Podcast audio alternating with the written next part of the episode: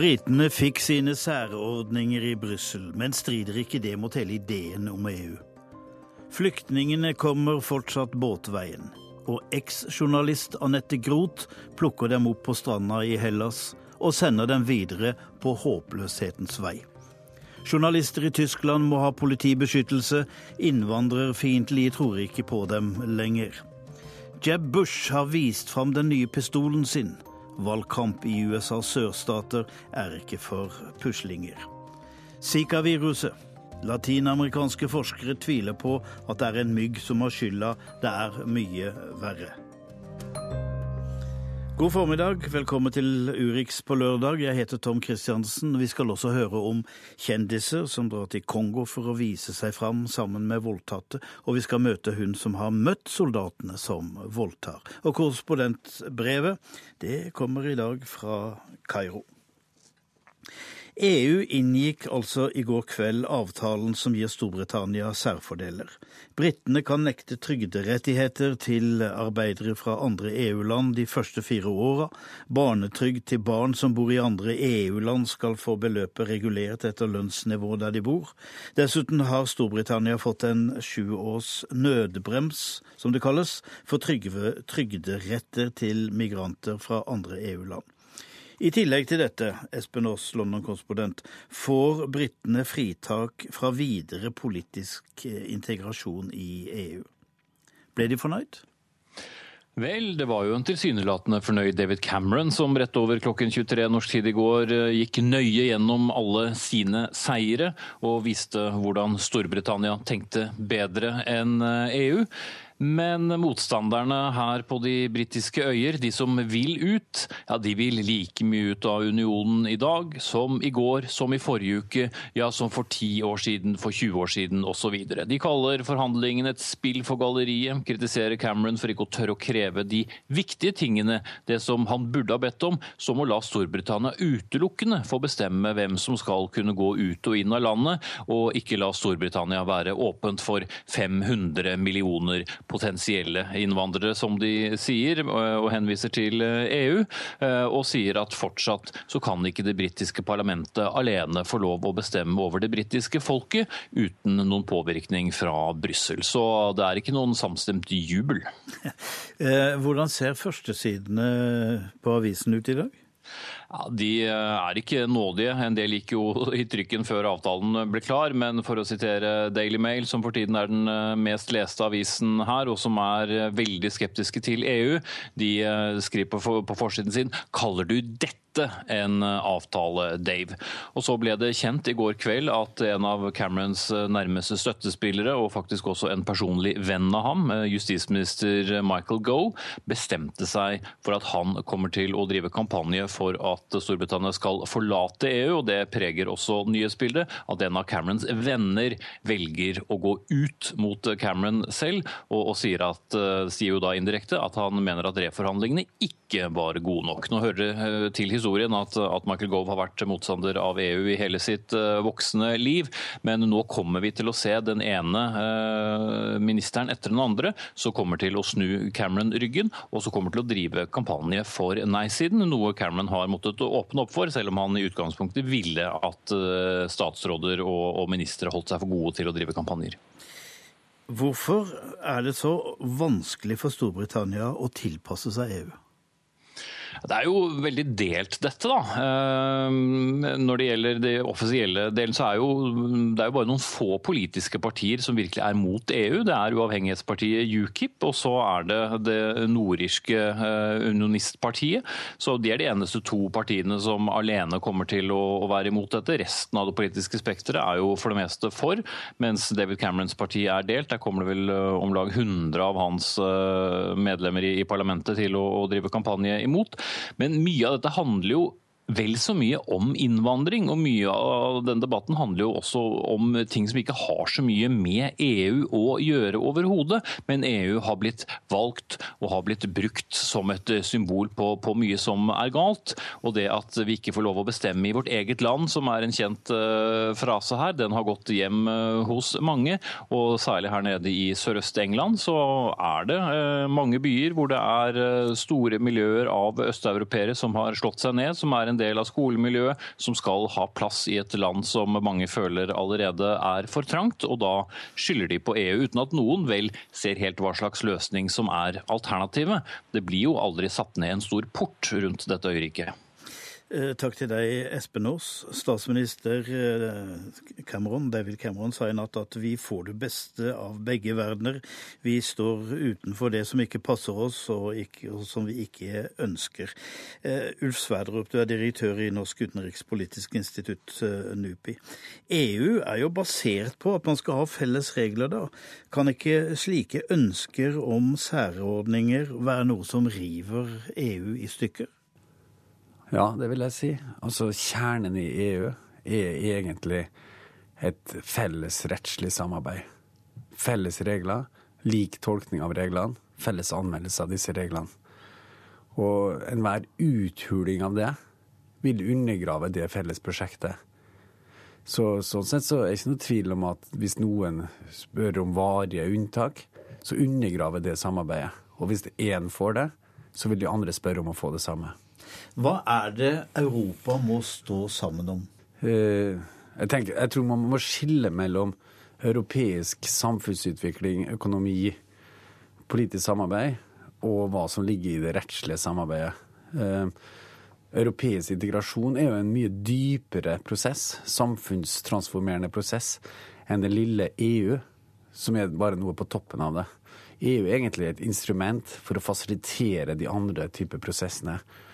Så er hele tiden en diskusjon om hva skal EU legge seg opp i, og hva skal ligge til nasjonale myndigheter, hva skal ligge til regionalt nivå. Denne balansen vil, alltid, vil det alltid være strid om. Eh, så langt har EU gått i retning av stadig mer integrasjon på stadig flere områder.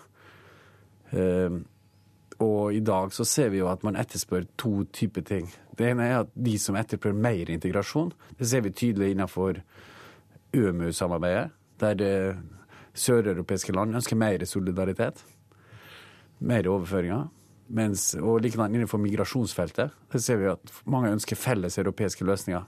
Felles europeiske grenser. Og så vi, har vi britene, som ønsker noe mindre, å trekke myndighet tilbake. Så her er dette er en varig strid i EU-samarbeidet. I hvor stor grad står dette om fordelingen av velstand velstand og velferd i Europa? Ja, Det vil jeg si er helt sentralt. Sammen, altså, du kan si EU historisk sett så har man tenkt at EU driver om regulering. Og regulering er ikke det samme som omfordeling. Men klart, reguleringa har òg omfordelingseffekter. EUs samla budsjett er jo ganske begrensa. Så sånn sett så er ikke EU noen omfordelingsmekanisme. Den indirekte omfordelinga gjennom EUs regler er omfattende og særlig innenfor eurosonen. Så slik sett. Og, og, ikke minst denne diskusjonen om velferdsytelser, fri bevegelse av personer, hvem skal ha tilgang til sosiale goder etc. Sånn sett så er det en diskusjon om omfordeling. Det store innsig av uh, migrasjon, og flyktninger, i hvor stor grad truer det Europa? På ene sida så har det synliggjort skjebnefellesskapet i Europa. At uh, det som skjer i en del av Europa, berører det andre delen av Europa.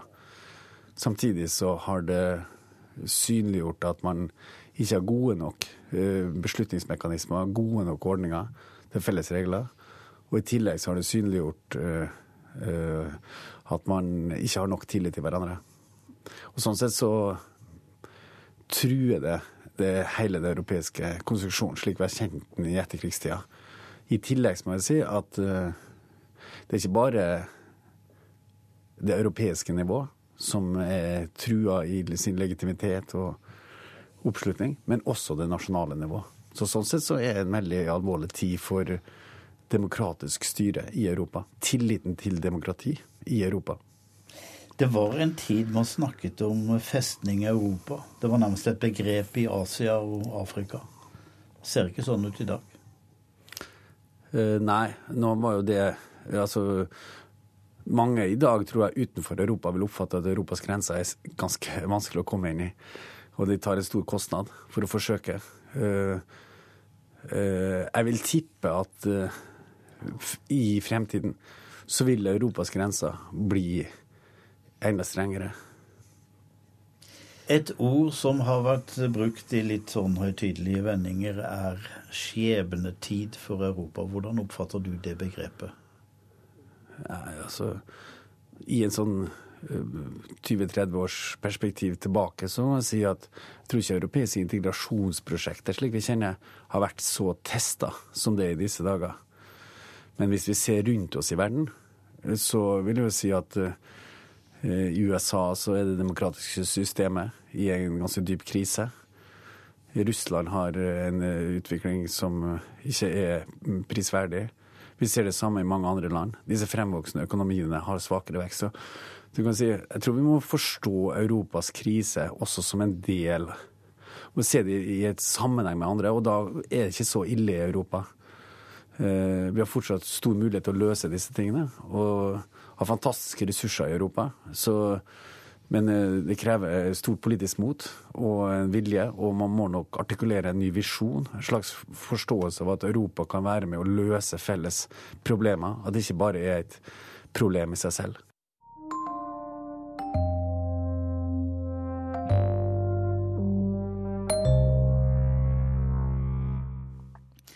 Flyktninger fortsetter å komme over Middelhavet selv om det er kald vinter. Og fortsatt står hjelpsomme folk ved strendene og hjelper dem i land. En av dem er Anette Groth. Etter at hun sluttet som journalist i NRK for et halvt år siden, har hun brukt tid på å hjelpe båtflyktninger og få dem i land på den greske øya Kios. Anette Groth, hva vil du si, hva så du i øynene til de flyktningene som steig i land? Ja, det var en del forskjellig. Noen var eh, veldig traumatiserte og eh, lei seg og redde fordi de hadde vært på denne farefulle ferden over havet i dårlige gummibåter. Mens andre, som hadde hatt en, en mer rolig reise over, de var glade, for de trodde at nå hadde de kommet eh, dit de skulle, eller var over det verste. De hadde kommet inn i EU, og det var målet deres. Hvordan opptredde ungene? Lekte de? Var de redde? Var de ikke med en gang de, når de kommer inn til strendene hvor vi sto og tok dem imot. Det er klart at veldig mange av dem var redde, og en del av båtene kom ikke ordentlig inn til land, så vi var nødt til å lage sånne menneskelige rekker og frakte ungene inn.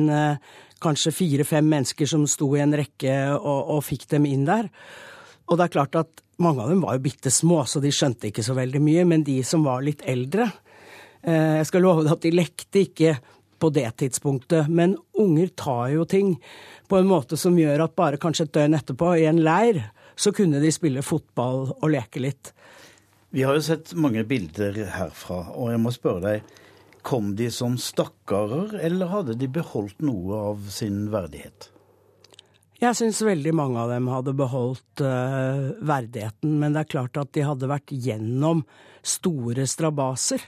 Uh, en afghansk familie for eksempel, som jeg traff på seks stykker, mor og far og fire barn. De hadde jo gått i over en måned fra Afghanistan gjennom Iran til Tyrkia, og det var snø, og det var vind, og det var forferdelig vær. Og de kom endelig til Tyrkia, hvor de da hadde det veldig vanskelig. Sånn at eh, det er kanskje vanskelig å beholde verdigheten, men allikevel så syns jeg at de gjorde det. Og de hadde sine mål, og, og de ville til Tyskland. De ville ha et bedre liv.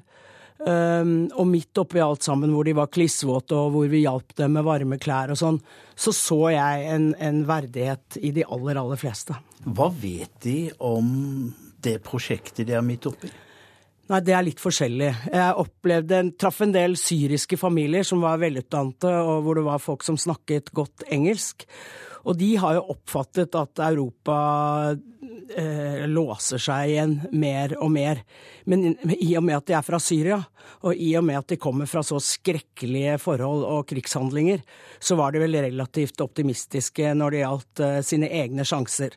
Men det er klart at en del av afghanerne jeg traff, og også irakere, iranere, de eh, visste ikke så veldig mye, men ryktene gikk jo om at det ble vanskelig. Så det var ganske mange iranere f.eks. som kastet passene sine.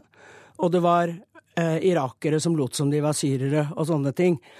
Sånn at de vet en del, men de vet ikke alt om det som skjer i Europa. Du har gitt uttrykk for at du ble rasende over mye du opplevde. Hva var det? Ja, altså Det jeg blir sint over, er i første rekke disse menneskene som tjener på denne overfarten fra Tyrkia til Hellas, som jeg jo da så på nært hold. Dette er menneskesmuglere som tar opptil 1500 euro for ett menneske, og de setter dem i noen båter som er de rene dødsfellene. De er laget av finer, tenk deg det, finer, som bare trekker til seg vann, og så er det da en sånn gummipølse rundt, liksom. Og på den så er det en, en bitte liten eh, poengsmotor, nærmest som en hjulvisp. Eh, I forhold til at det er 50-60, ja til og med så mange som 80 mennesker i én sånn båt, og de sitter som sild i tønne. Og eh, samtidig så er det De har f.eks. fått årer. De er også laget av finer. Og så har de såkalte redningsvester, som jeg kaller synkevester. De er altså De ser proffe ut i sånne gilde farver og det står Yamaha på dem. Men inni så er det sånn tynt sitteunderlag, og jeg fant til og med en som hadde gress innimellom sitteunderlaget, de hadde bare dytta noe inn der. Um, og det er klart at de holder ikke et menneske oppe i vannet hvis det skulle gå galt uh, med båten. Så det er det jeg er mest sint over, og så blir jeg også sint over at det ikke finnes politiske løsninger på dette. Når de eh, ankommer, så har de en slags optimisme som du har beskrevet. De er på en måte berga. Men de er jo ikke der de skal. Er det et luftslott de reiser videre med? Ja, på, det er jo det. Jeg så jo Det var kanskje nesten det verste for meg. For det, det som skjer da når de er på øya Kios, så blir de der veldig kort. Og så kjøper de fergebillett og reiser videre til Aten. Og så skal de liksom inn i eh, den store lykken. Og når du står der på fergekaia og ser på folk som har fått et håp i blikket, og ser dem forsvinne inn i denne svære, opplyste ferja. Den går om natten ofte, sånn at den ser ut som en sånn juvel inni havna der. Og, og du ser bare at de forsvinner inn der, med håp i blikket. Og jeg fikk en sånn Titanic-følelse, for jeg tenker hva kommer de til? De kommer til Aten, men så kommer de da til et Europa som i stadig sterkere grad vender dem ryggen. Ja, hvordan ser Europa ut når du står på stranda der?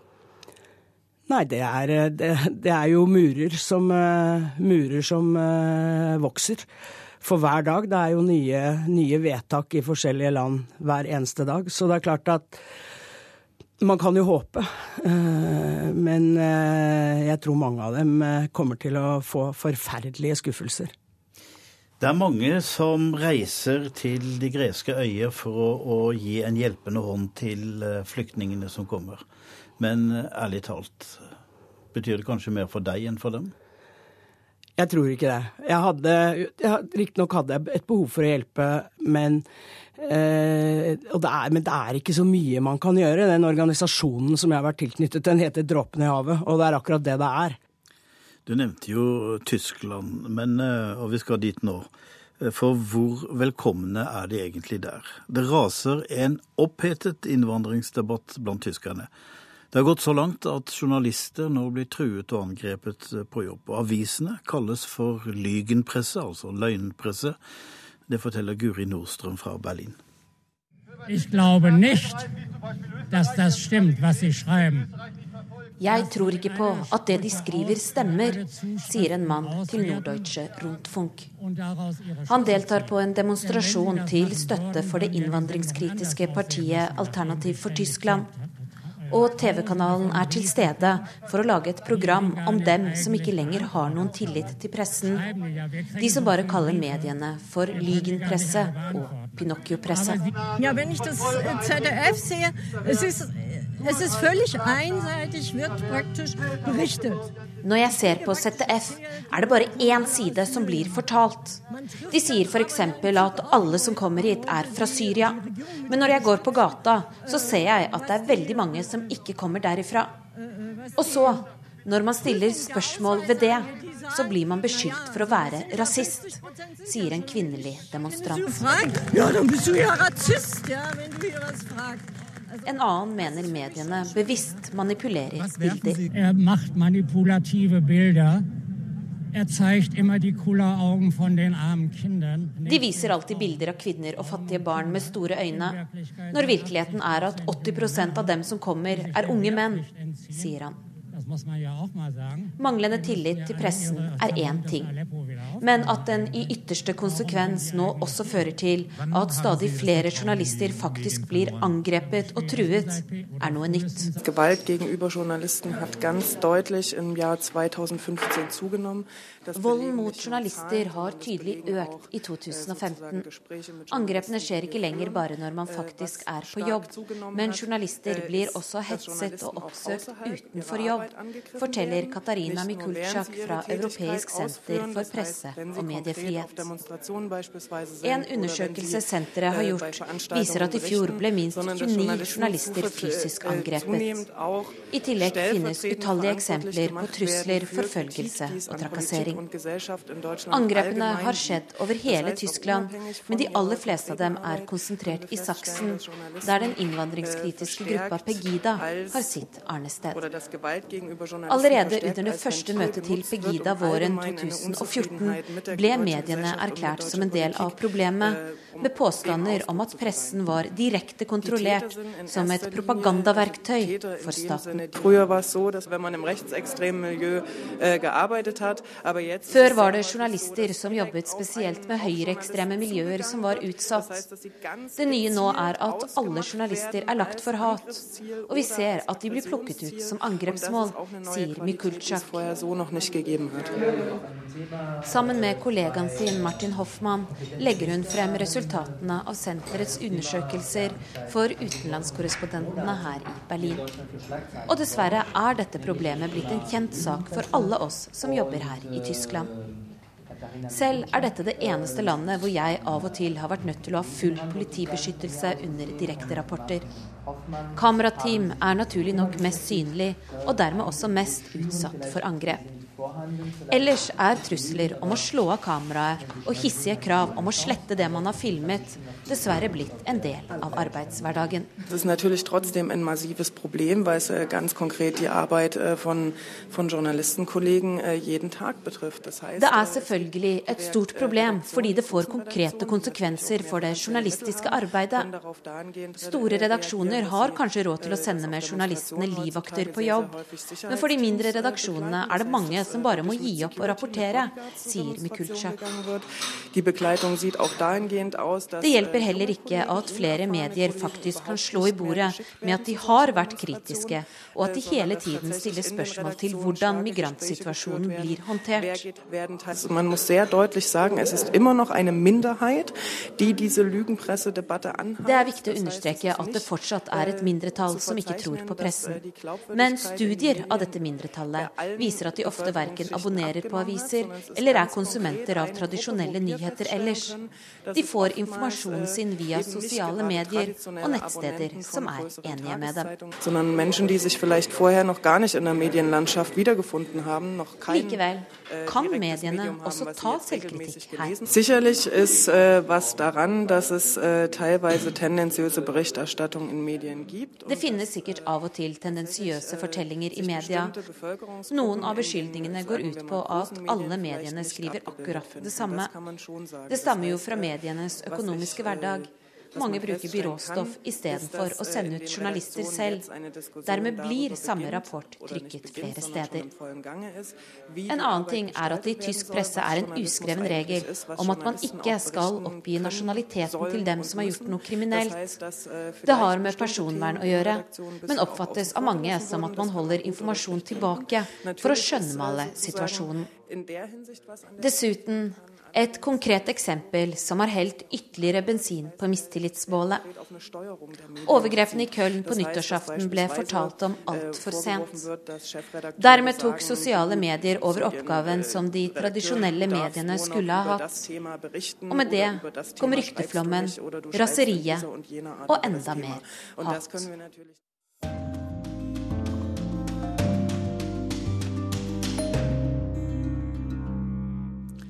Intet sted er den amerikanske valgkampen mer grisete enn i sørstatene, og denne helga er turen kommet til Sør-Carolina, men der er det bare republikanerne som stemmer. Kanskje er dette siste stopp for flere av kandidatene. Jeb Bush er blant dem som merker presset. Anders Tveger gikk på valgmøte med ham.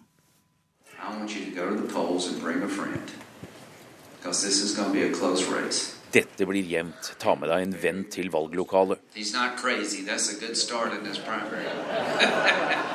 Det er senator Lindsey Graham som prøver å mobilisere, fyre opp de rundt 200 menneskene som har kommet for å høre politikk.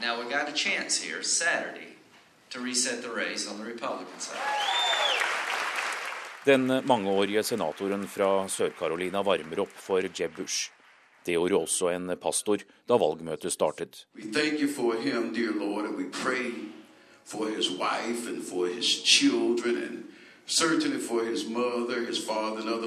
De oppmøtte folder hender og ber. Det religiøse innslaget er helt naturlig. To av tre republikanske velgere her beskriver seg selv som gjenfødte evangelisk kristne. Og det er en høyborg for sosialt konservative velgere.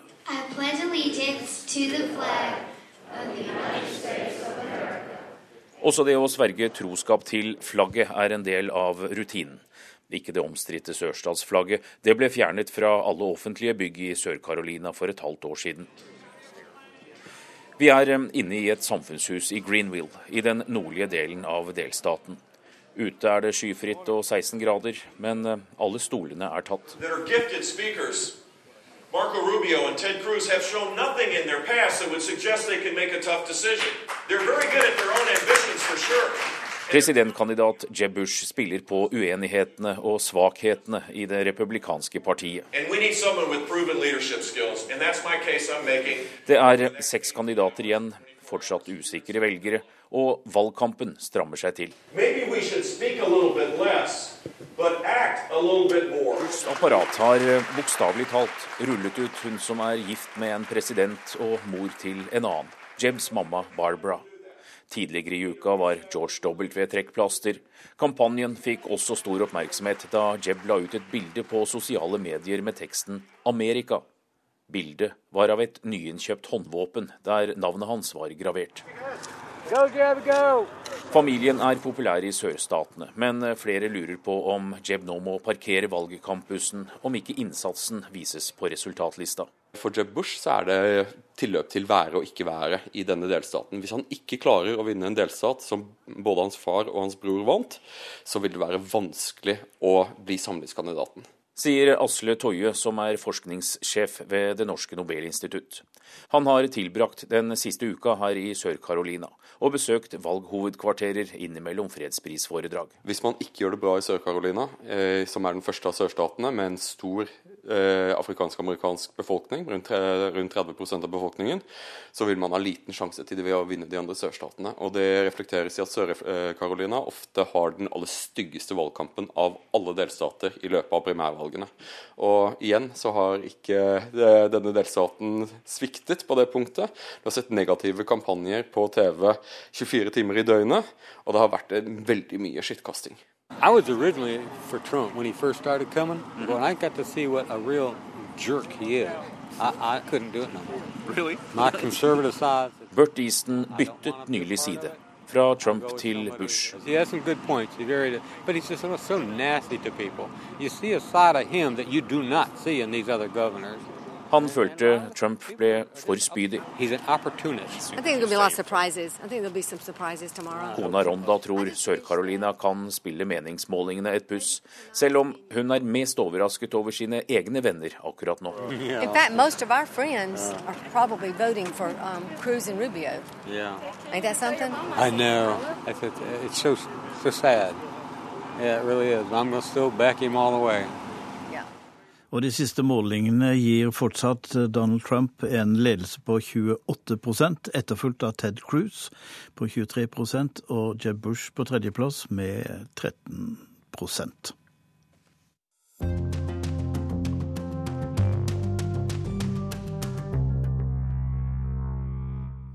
Kvinner og barn er blant de største ofrene for militskrigene som herjer i Kongo. For det mest effektive våpenet fattige krigere har, er voldtekt. Denne uka har utviklingsarbeideren Dominique Vidal Plaza lansert sin dokumentarfilm fra Kongo. Men den begynner et annet sted, for sex og vold i Kongo er et fluepapir for internasjonale kjendiser. Gry Blekastad Almås har sett filmen.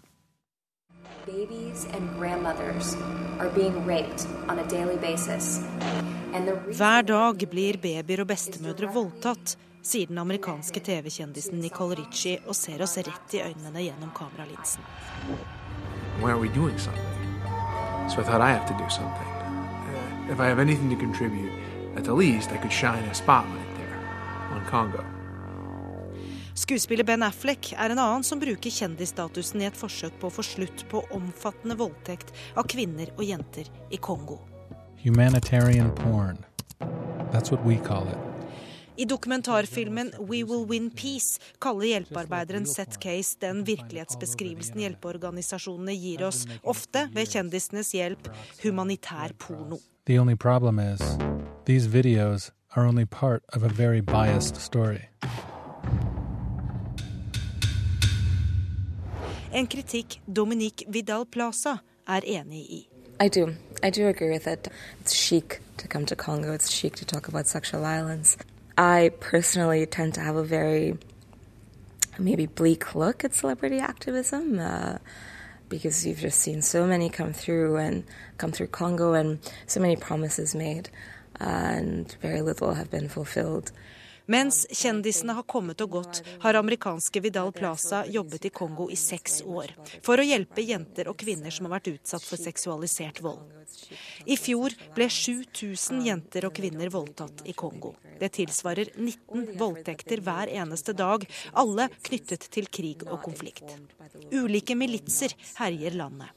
Jenter helt ned i ett års alder er ofrene. Uh, 2013 to late 2014, early 2015, we noted 35 cases of girls as young as one, one being raped. Um, 35 ettåringer voldtatt i ett område av Kongo på litt over et år. Dominique Vidal Plaza forklarer dette med overtro. Uh, it's quite a common belief. Um, there's also cultural beliefs about uh, having sex with virgins will cure AIDS. Uh, sex with young girls will cure ailments and this kind of thing. Sex med jomfruer gjør dem uslåelige i kamp. Sex med jomfruer kurerer sykdom. Det er det mange som tror på. I tillegg er det en utbredt holdning at menn har rett til å forsyne seg av kvinner, selv om loven sier noe annet. Men det hjelper lite med lover når ingen blir straffet for å begå disse voldtektene. Kesia Niusengas sju år gamle datter ble voldtatt av en 22 år gammel militssoldat. Jenta blødde og spiste ikke på to dager, forteller moren. Da moren anmeldte overgrepet, ba landsbyens høvding henne å trekke anmeldelsen. Hun nektet og ble banket opp. Sjuåringen er nå livredd alle gutter. Hun får vondt i magen når hun løper pga. skadene. Og moren er fortvilet. How much are they damaged? Extensively. Um, extensively so. Uh, Skadene på jentene er omfattende, forteller Dominique Vidal Plaza. Hun arbeider nå for FNs fredsbevarende styrke MONUSCO, sendt av Norske sentre for menneskerettigheter, betalt av det norske utenriksdepartementet. Men tidligere var hun ansatt ved sykehuset Pansi, som drives av legen Dennis Mukwege, som er nominert til Nobels fredspris for sitt arbeid med voldtatte og ødelagte kvinner. Inngrepene som skal reparere både indre og ytre skader, tar svært lang tid. Jentene må være lenge på sykehuset og borte fra sine lokalmiljøer. Det fører til stigmatisering av jentene i miljøer der det å ha blitt voldtatt er skam. Men sakte er holdningen i ferd med å endres, sier Vidal Plaza. Changed. Um, when I first got to Congo, rape was something that you didn't say. You would never say that you'd been raped. The word rape was uh, unthinkable. But now there's a lot more voices surrounding sexual violence. There are campaigns about it now. Det er ikke kjendisene som får skryt for å ha beveget kongolesernes holdninger. Dominique Vidal Plaza mener man kan takke en rekke internasjonale og ikke minst lokale organisasjoner og deres ulike kampanjer for at det nå begynner å komme mer tilbud om hjelp til voldtektsofrene. Men noen kjendiser har skjønt hva som skal til. Good work. I think celebrities that have understood that they are not uh, best positioned to act on the ground. Um, and I quoted Ben Affleck as an example yesterday. This is what I believe in, what I think of as the meaning of life. Getting involved with something, helping others, improving the fabric of the universe. And I, I believe if you do that, even just a little bit, I think you'll find your life gets better too. Nora Mesen, du har skrevet en masteroppgave om forebygging av seksualisert vold i Kongo. Og du har vunnet en pris for den. Men du har også snakket med soldatene som eh, voldtar, for å forstå dem. Hvorfor voldtar de? Ja, jeg har intervjuet et utvalg av soldater i statsmilitæret om temaet seksualisert vold. Og noen av disse soldatene kan det hende har begått seksualisert vold selv, det vet jeg ikke. Men det som stemmer, er at uh, regjeringssoldater er blant hovedutøverne av seksualisert vold i DR Kongo. Og når du spør om eh, hvorfor soldater i statsmilitære voldtar, så er det ikke en overgripende forklaring på dette. Eh, den forklaringen som har vært den dominerende fremstillingen i vestlige medier, er at det blir brukt som et strategisk våpen i krigføring. Stemmer ikke, altså? Eh, det er ikke en dekkende forklaring på den faktiske situasjonen i DR Kongo.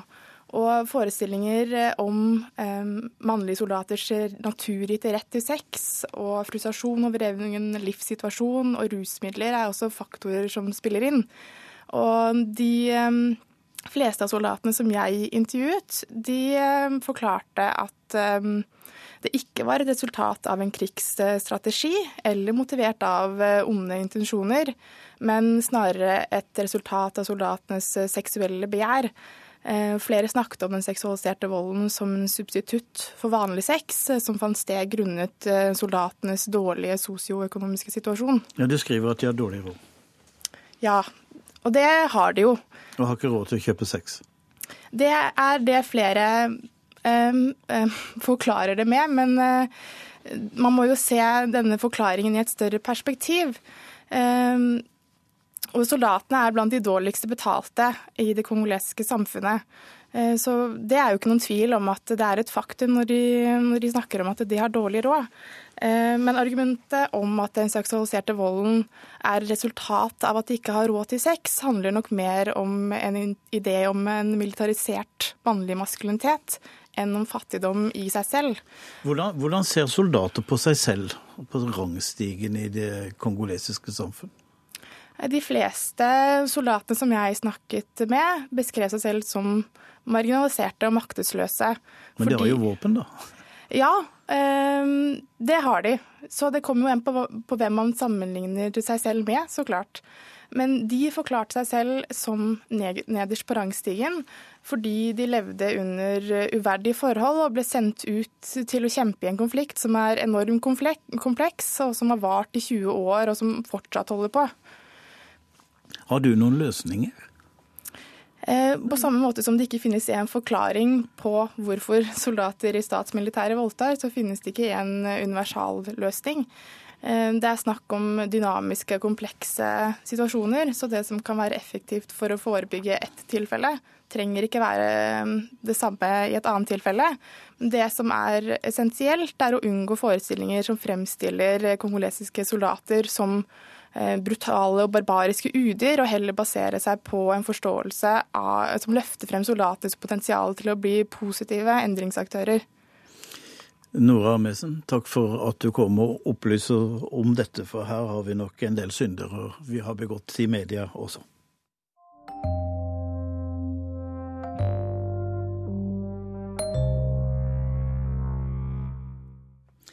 Zika-viruset fortsetter å spre seg i Latin-Amerika.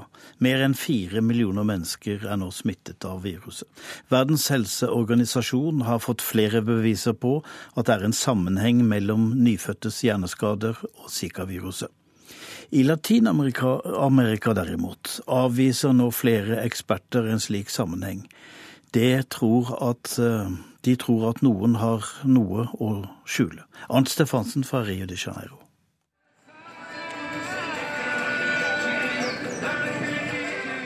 Jeg står i hovedgata i Rosinha, Rio de Janeiros største fattigkvartal, eller favela. Og selv om det bobler av livsglede som vanlig i Rosinha, så er mange preget av den nye frykten. Zika-epidemien er det store samtaleemnet her i Rosinha som ellers i Brasil. Og årsaken til den store frykten er at viruset knyttes til den uhyggelige sykdommen mikrokefali, som gjør at barn fødes med uvanlig liten hodeskalle og store hjerneskader. Men mange stiller seg nå tvilende til denne teorien. Jeg tror ikke at dette med mikrokefali har noe å gjøre med Zika-epidemien, sier den 60 år gamle Leticia da Silva i Rosinha. Vi hører jo nå at det har vært tusener av tilfeller av mikrokefali før Zika-viruset slo til her i Brasil, og jeg frykter at det er noe som holdes skjult for oss vanlige mennesker i denne saken, sier hun. Og kvinnen fra Rosinha er langt fra den eneste som er mistenksom. Både brasilianske og utenlandske eksperter har de siste dagene utfordret Zika-teorien, og en gruppe argentinske leger har lagt frem en forklaring som har vakt stor oppmerksomhet. De mener at det er brasilianernes omfattende bruk av myggdrepende kjemikalier som er årsaken til at så mange barn blir født med hjerneskaden mikrokefali.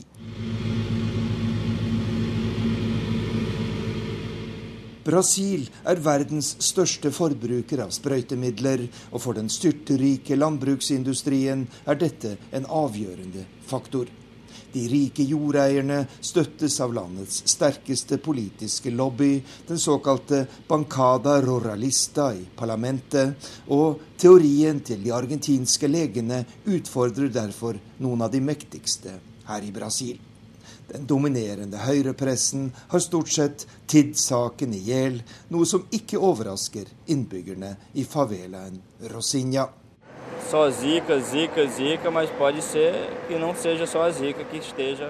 Myndighetene vil bare snakke om Zika og avviser alle andre forklaringer, sier den 35 år gamle José Adenildo.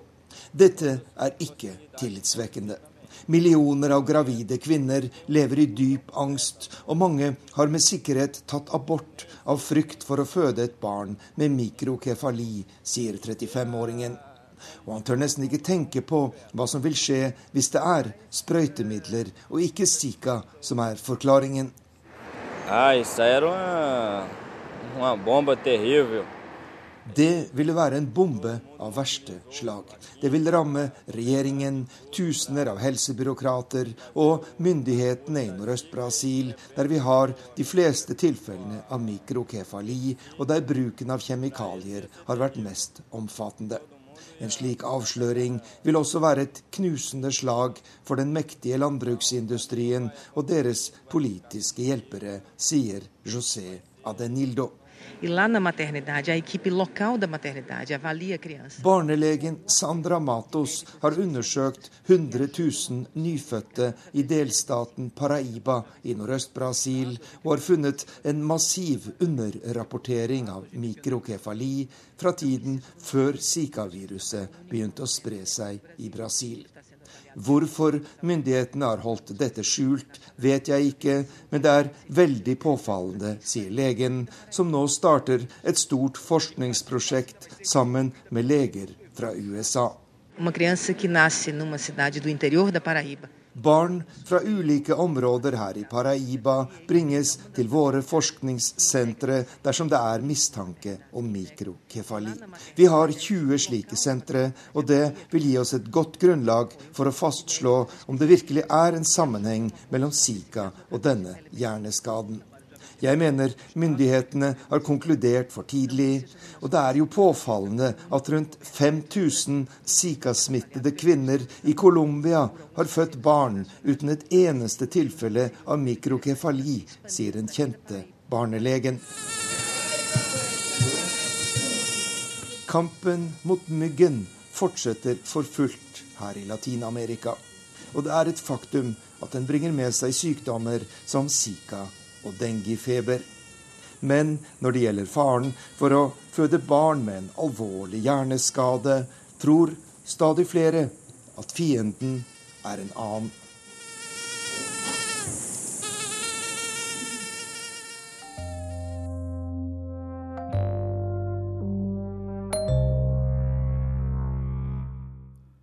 Det brer seg en frykt i Kairo.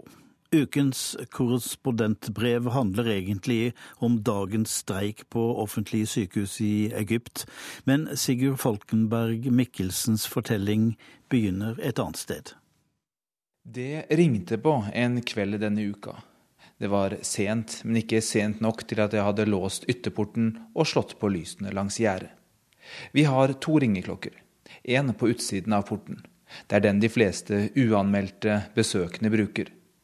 Den andre står rett ved ytterdøren, som leder videre rett inn i entreen.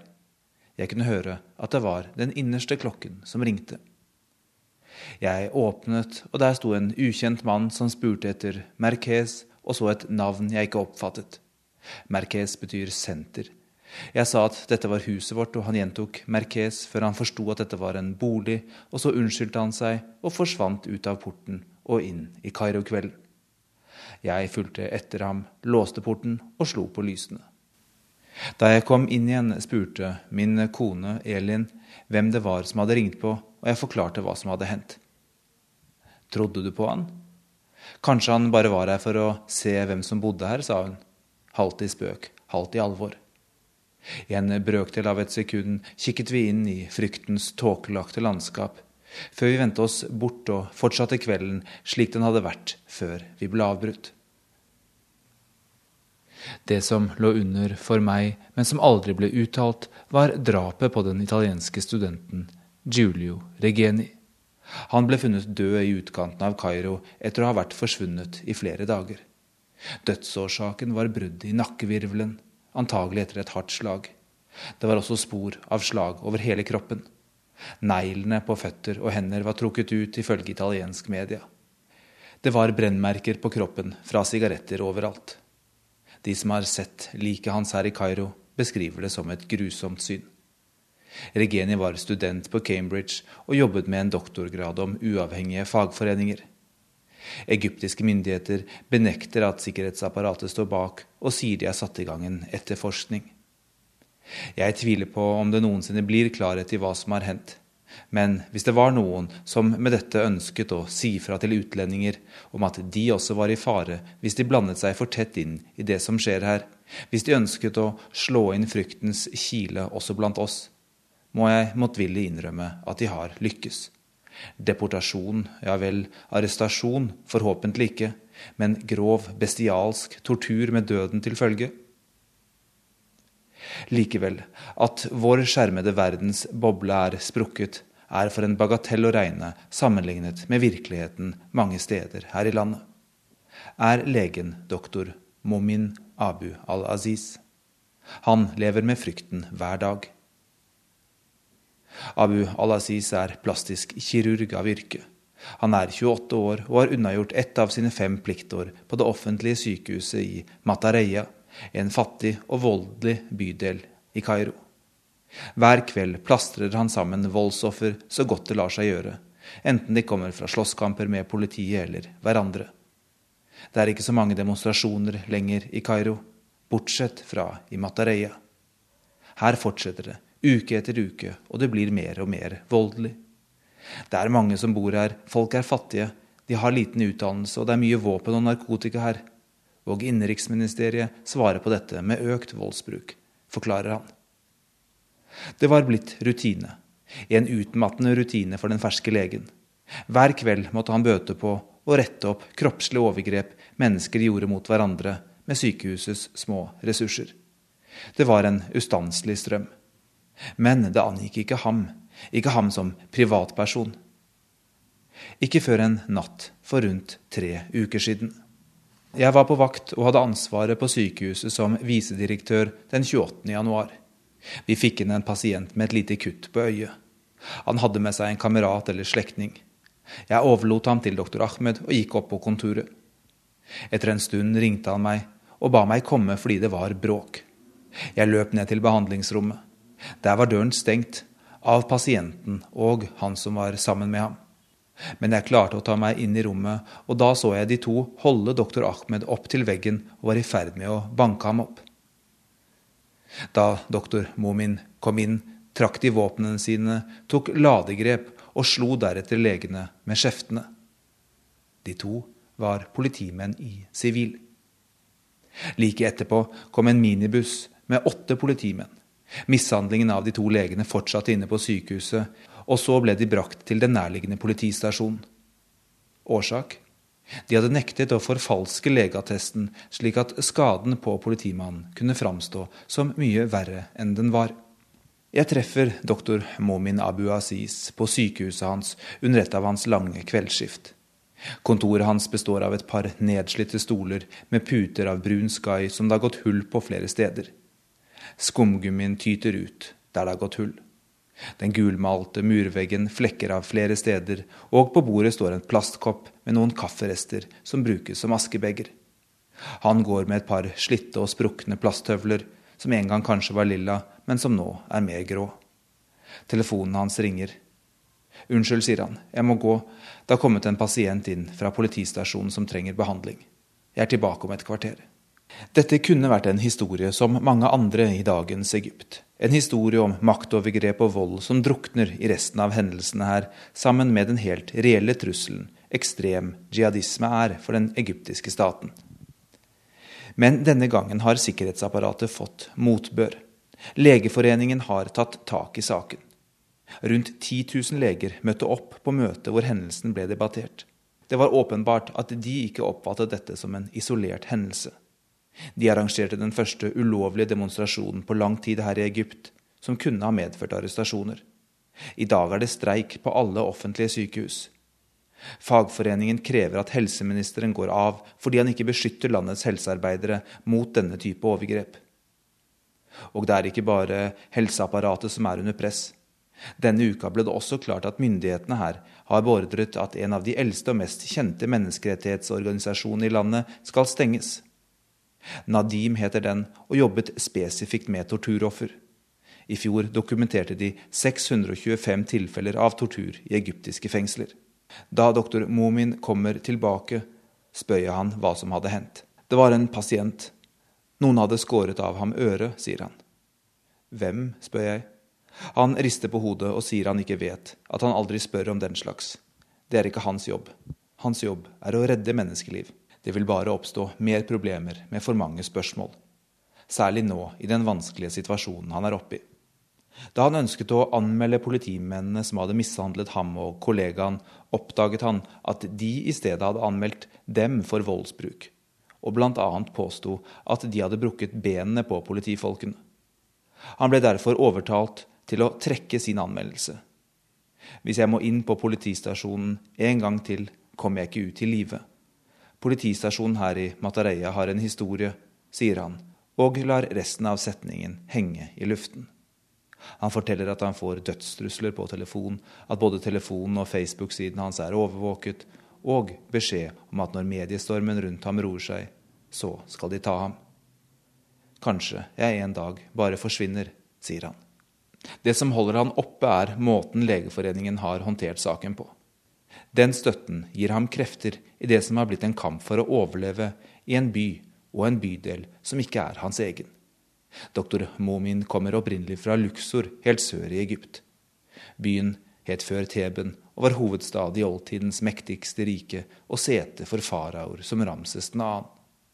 Nå er det en saktegående og fredelig provinsby og sjokket over å ende på et offentlig sykehus i Matareia i Kairo var stort. Vi er ikke vant til dette her, ikke der jeg kommer fra, sier han. Han ville ikke engang bli lege. Han ønsket egentlig å bli ingeniør, men han fikk så gode karakterer på skolen at foreldrene hans presset ham til å ta muligheten som hadde bydd seg. Nå ønsker både de og han at han finner en måte å komme seg ut av Kairo og sykehuset på. Mest av alt ønsker han å rømme landet, komme seg til Europa og lære seg å bli en bedre lege.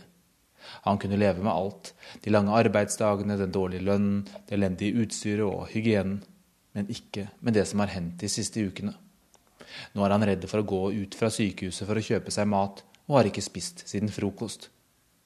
Men hvorfor, spør jeg, hvorfor forfalsket dere ikke bare legeattesten og slapp alle disse problemene? Er det ikke det de fleste av oss ville gjort?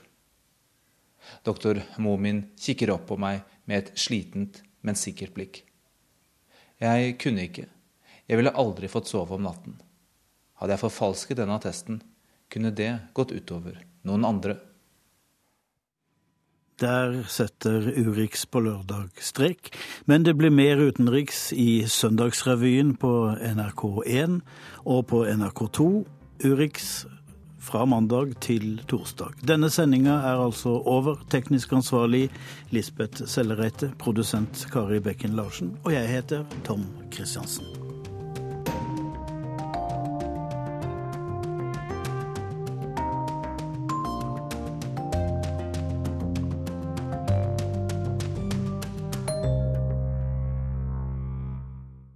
Hør flere podkaster på nrk.no podkast.